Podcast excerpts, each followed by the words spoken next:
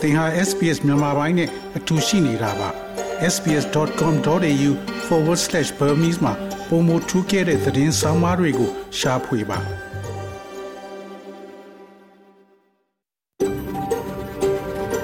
SBS A world of difference You're with SBS Burmese on mobile, online and on radio. mobile online နဲ့ radio ပေါ်မှာသင်ဟာ SPS မြန်မာပိုင်းနဲ့အ တူရှိနေတာဖြစ်ပါတယ်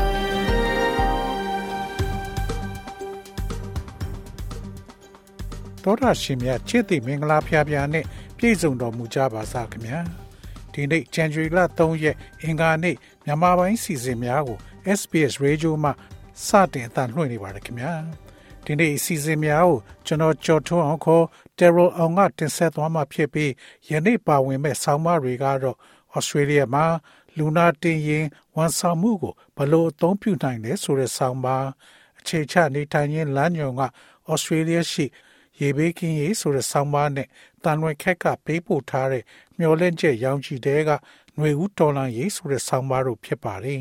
။ဒီနေ့ကောင်းကြီးပိုင်းသတင်းတွေကတော့ Gold Coast မှာရဟန်းရင်တိုက်မှု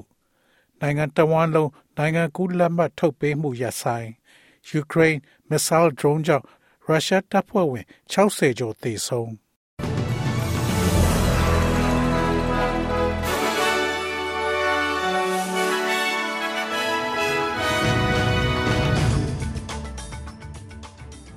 ယခုချိန်ကစပြီးသတင်းများကိုကျွန်တော်ကြော်ထုတ်အောင်ကစတင်ဖတ်ကြားပါတော့မယ်။ Gold Coast မှာရဟန်းရင်တိုက်မှု Gold Coast တွင်လူလေးဦးသေဆုံးခဲ့တဲ့ရဟန်းရင်တိုက်မှုကြောင့်လူအသေးအပြောက် ပုံများလာနိုင်ကြောင်းတည်ယူပို့ဆောင်ရေးဘေးကင်းရေး agency အကြီးအကဲကပြောကြားခဲ့ပါတယ်။ Seawall ရဟတ်ရင်တစ်စင်းဆင်းသက်လာချိန်မှာတခြားလေယာဉ်မူရဲ့ရဟတ်ယာဉ်နဲ့တိုက်မိသွားတဲ့အဖြစ်အပျက်ကို အာဏာပိုင်များကစတင်စုံစမ်းစစ်ဆေးနေပြီဖြစ်ပါတယ်။လေယာဉ်ပေါ်ပါလူ9ဦးနဲ့လေဦးသေဆုံးခဲ့ပြီးလေယာဉ်မှု New South Wales မှအမျိုးသမီးတဦးနဲ့ Britain မှစုံတွဲတို့ပါဝင်ပါတယ်။ Australia Transport Safety Bureau Chief Commissioner Angus Mitchell ကအချက်အတော်များများကိုစစ်ဆေးနေတယ်လို့ပြောပါတယ်။အသက်33နှစ်အရွယ်အမျိုးသမီးတဦးနဲ့၎င်းရဲ့9နှစ်အရွယ်သားဖြစ်သူနဲ့တခြား10နှစ်အရွယ်ကလေးတဦးတို့မှာပြင်းထန်စွာဒဏ်ရာရရှိခဲ့ပြီးဆေးရုံတွေကုသမှုခံယူနေပါတယ်။နိုင်ငံတော်ဝန်နိုင်ငံကူးလက်မှတ်ထုတ်ပေးမှုများရပ်ဆိုင် ရန်ကုန်ပါဝင် နိုင်ငံတော်ဝန်လုံးရှိ နိုင်ငံကူးလက်မှတ်ထုတ်ပေးရုံများကို ပိတ်ထားပြီးနိုင်ငံကူးလက်မှတ် passport ထုတ်ပေးမှုများကို January လ2ရက်မှစတင်ကရပ်ဆိုင်းထားကြောင်းသိရှိရပါတယ်။သတင်းထွက်နေတာကတော့အရင်ပတ်ထဲကပါဒီနေ့တော့လုံးဝပိတ်လိုက်တာပါဒီနေ့ QR 3လချိုရထားပြီးသူတွေသွားလောက်တာရုံပိတ်တယ်လို့ပြောပါတယ်အခုရုံပိတ်တာကရုံရှိမှာပဲစာထောင်ထားတာ ဖွင့်မဲ့ရက်ကိုတော့ online ကချိန်ညာပေးမယ်လို့ပြောပါတယ်ဟုရန်ကုန်မြို့ရှိ လူတယောက်ကပြောဆိုပါတယ်။ QR code ဖြင့်ရချင်းရယူမှုကို2022ခုနှစ်မတ်လတွင်စတင်ခဲ့ပြီးထိုချိန်မှစက passport လျှောက်ထားသူများကြား QR code ရောင်းဝယ်ဖောက်ကားသည့်ဈေးကွက်တစ်ခုပေါ်ပေါက်ခဲ့ပါတယ်။ရုံတွင်မှဝန်ထမ်းများနဲ့ပြင်ပမှပွဲစားများပူးပေါင်းလို့ passport စာအုပ် အများရယူလိုသူများကို၄သိန်းမှ၈သိန်းတွင်းတော့ဖြစ်ပါက14သိန်းမှ30အထိလက်ရှိအချိန်တွင် ပေါက်ဈေးရှိကြောင်းသိရှိရပါတယ်။ QR code ရယူမှုမှာနှစ်ပတ်ကြိုနဲ့သုံးလကြိုရှိပြီးငွေကြေးအရင်လက်ခံပြီးမှ QR ရယူပေးခြင်းနဲ့ QR ရမှငွေပေးခြင်းဟူ၍နှမျိုးရှိတယ်လို့ QR ရယူပေးသူများထံမှသိရှိရပါတယ်။နိုင်ငံတော်ဝန်လုံးရှိ passport ရုံးများကိုမြည်သည့်နေရက်တွင် ပြန်လည်ဖွင့်လှစ်မည်ဖြစ်ကြောင်းအတိအကျကြေညာထားခြင်းမရှိသေးသောကြောင့်နိုင်ငံကူးလက်မှတ်နဲ့ပတ်သက်တဲ့လုပ်ငန်းစဉ်များကိုမြည်သူတူတယောက်မျှရုံးလုပ်ငန်းပြန်လည်မစတင်မီအချိန်ထိလှုပ်ဆောင်နိုင်မှာမဟုတ်ကြောင်းမှတ်ချက်ပြုပြောဆိုပါတယ်။ Ukraine missile drone ကြောင့်ရုရှားတပ်ဖွဲ့ဝင်60သေယူကရိန်းနိုင်ငံဒေါနက်စက်ဒေသတွင်ရုရှားထိန်းချုပ်ရာဒေသ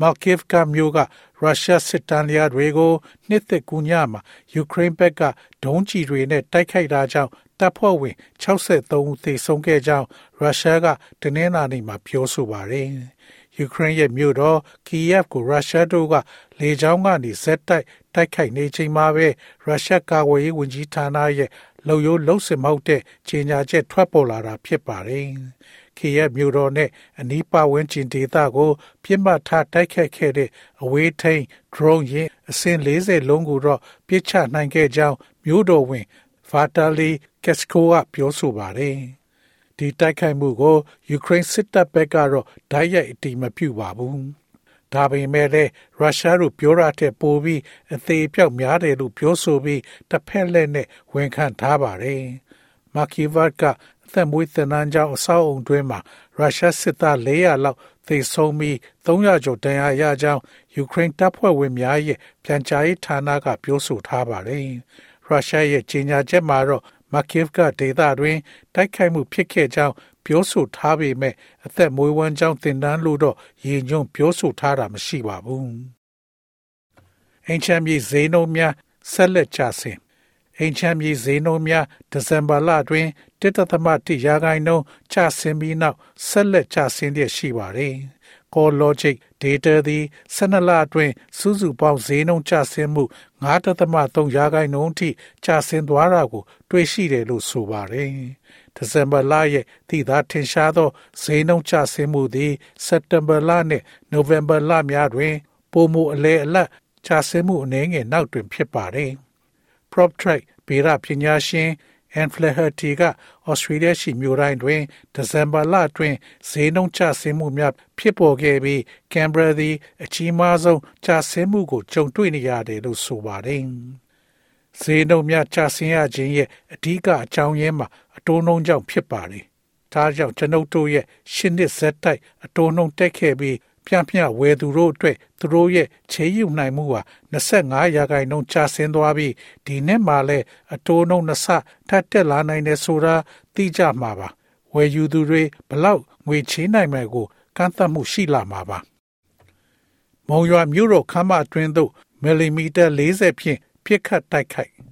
စကိုင်းတိုင်းမုံရွာမြို့ရှိစေအာနာရှင်တပ်ဖွဲ့ဝင်များစခန်းချတပ်ဆွဲနေတဲ့မြို့တော်ခမ်းမအတွင်းသို့ မီလီမီတာ40နှလုံးဖြင့်မုံရွာခရိုင်တပ်ရင်းကပြစ်ခတ်တိုက်ခိုက်ခဲ့ကြောင်းသိရှိရပါတယ်။ဇန်နဝါရီလ၁ရက်နေ့နာနဲ့10နာရီ15မိနစ်အချိန်တွင်တိုက်ခိုက်ခဲ့ခြင်းဖြစ်ပြီးထိခိုက်သေဆုံးမှုအခြေအနေကိုမသိရသေးကြောင်းမုံရွာခရိုင်တပ်ရင်းခုနှစ်သတင်းနှင့်ပြန်ကြားရေးတာဝန်ရှိသူကပြောဆိုပါတယ်။ကျွန်တော်တို့ဖော်ဆောင်ခဲ့တဲ့မစ်ရှင်ကမျိုးလေကောင်ဖြစ်တဲ့အတွက်အန်ဒီရတော့တော်တော်လေးများခဲ့တယ်။ မျိုးတော့ခမ်းမအနီးမှာကအရက်ဝတ်စစ်သားတွေကလည်းတော်တော်လေးများတယ်ဗျအဲ့ဒီလိုအခြေအနေမျိုးမှာကံကောင်းစွာနဲ့ကျွန်တော်တို့အခွင့်အရေးရခဲ့တယ်40မီလီမီတာနှလုံးကိုကျွန်တော်တို့ဇက်တိုက်ပစ်ခဲ့တယ်စစ်ခွေးဘက်ကအသေးဆုံးတော့ရှိနိုင်တယ်အတီးပြုလို့တော့မရသေးဘူးဟု၎င်းကပြောဆိုပါတယ်မုံရွာခဲတပ်ရင်းခုနှစ် Lightning PDF အနေဖြင့် မြို့တွင်းမစ်ရှင်များကိုဆက်လက်ဖော်ဆောင်ရန်ရှိတဲ့အတွက်ပြည်သူများအနေဖြင့်စစ်ကောင်စီတပ်စခန်းများနှင့်၎င်းတို့အနီးတစ်ဝိုက်တွင်သွာလာခြင်းမပြုရန်သတိပေးထားပါသည်ဖိလစ်ပိမှာရေဘေးကြောင့်သေဆုံးသူ90ကျော်ရှိဖိလစ်ပိနိုင်ငံမှာခရစ်စမတ်ကာလရေကြီးမှုကြောင့်သေဆုံးသူအရေအတွက်50ဦးရှိလာပြီး19ဦးပျောက်ဆုံးနေတယ်လို့သက်ဆိုင်ရာအရာရှိတွေက တင်းနှလာနေ့ကပြောဆိုပါတယ်။ ရေဘေးသင့်သူထောင်ပေါင်းများစွာဟာလည်းရေးပေါ်ကယ်ဆယ်ရေးစခန်းတွေမှာဆက်လက်ခုံလုံနေကြရပါတယ်။နိုင်ငံတောင်ပိုင်းမစ္ဆာမစ်အောက်ဆီဒန်တယ်ပြည်နယ်မှာနေထိုင်သူတွေဟာရေကြီးတဲ့အတွက်သူတို့ရဲ့နေအိမ်တွေမှာပေလူးနေကြတဲ့ရွှွနွန်တွေကိုဖယ်ရှားရှင်းလင်းနေကြတဲ့ပုံတွေကိုသတင်းတွေမှာဖော်ပြထားပါတယ်။ပင်နယ်ကမ်းခြေနီဂက်ဘလ်အာနိုနန်ချေးရွာမှာဆိုရင်အုံမင်းတွေအမြစ်ကနေကျွတ်ပြိုတဲ့ကုန်းကအ ပေါ်စားပစ္စည်းတွေနဲ့တိဆောက်ထားတဲ့အိမ်တွေဟာလည်းမြေကြီးအနာပြားခတ်ခါနီးအောင်ပျက်စီးကုန်ပါတယ်ဖိလစ်ပိနိုင်ငံအမျိုးသားသဘာဝဘေးနဲ့ရောချရေးနဲ့စီမံခန့်ခွဲရေးကောင်စီထုတ်ပြန်ချက်အရမီဒါနိုမြောက်ပိုင်းဒေသမှာအဆိုးဝါးဆုံးဖြစ်ပြီးလူ25ဦးသေဆုံးခဲ့ပါတယ်။သေဆုံးသူအများစုဟာရေနစ်တာနဲ့မြေပြိုကျတဲ့အတွက်ကြောင့်ဖြစ်ပြီးပျောက်ဆုံးသူတွေထဲမှာအများစုကတော့ငါးဖန်ဆက်လေ နင်းမြုပ်တဲ့အတွက်ကြောင့်ဖြစ်တယ်လို့ပြောဆိုပါတယ်။ SBS SBS SBS SBS SBS SBS. This is SBS Radio. မြန်မာငွေလဲနှုန်းမှာတော့ Australian dollar ကိုမြန်မာကျပ်ငွေ1429ကျပ်ရရှိပြီး American dollar ကိုမြန်မာကျပ်ငွေ2100ကျပ်ရရှိပါတယ်။ Australian dollar ဟာ American 68စနစ်နဲ့ညီမျှပါတယ်။ မနေ့ဖြန်ဩစတြေးလျတိုက်မှာရှိတဲ့မြို့ကြီးများရဲ့မိုးလေဝသခန့်မှန်းချက်ကတော့ဆစ်ဒနီမြို့မှာအပူချိန်26ဒီဂရီစင်တီဂရိတ်ရှိမှဖြစ်ပြီးမိုးရွာသွန်းနိုင်ပါတယ်။မဲလ်ဘန်မြို့မှာအပူချိန်16ဒီဂရီစင်တီဂရိတ်ရှိမှဖြစ်ပြီးမိုးတိမ်သားများရှိပြီးလေတိုက်ခတ်မှာဖြစ်ပါတယ်။ Brisbane မြို့မှာအပူချိန်33ဒီဂရီစင်တီဂရိတ်ရှိမှဖြစ်ပြီးမိုးတစ်ဖြောက်နှစ်ဖြောက်ရွာသွန်းနိုင်ပါတယ်။ Perth မြို့မှာအပူချိန်36ဒီဂရီစင်တီဂရိတ်ရှိမှဖြစ်ပြီးနေသားမှာဖြစ်ပါတယ်။ Adelaide မြို့မှာအပူချိန်23ဒီဂရီစင်တီဂရိတ်ရှိမှဖြစ်ပြီးမိုးတိမ်သားများရှိမှဖြစ်ပါတယ်။ Hobart မြို့မှာအပူချိန်16ဒီဂရီစင်တီဂရိတ်ရှိမှဖြစ်ပြီးမိုးတိမ်သားများရှိမှဖြစ်ပါတယ်။ Canberra မြို့မှာအပူချိန်22ဒီဂရီစင်တီဂရိတ်ရှိမှဖြစ်ပြီးမိုးရွာသွန်းမှဖြစ်ပါတယ်။ Darwin မြို့မှာအ ပူချိန်31ဒီဂရီစင်တီဂရိတ်ရှိမှဖြစ်ပြီးမိုးရွာသွန်းမှဖြစ်ပါတယ်။ဤတွင်သတင်းများကိုကြီးညာလို့ပြီးပါပြီခင်ဗျာ။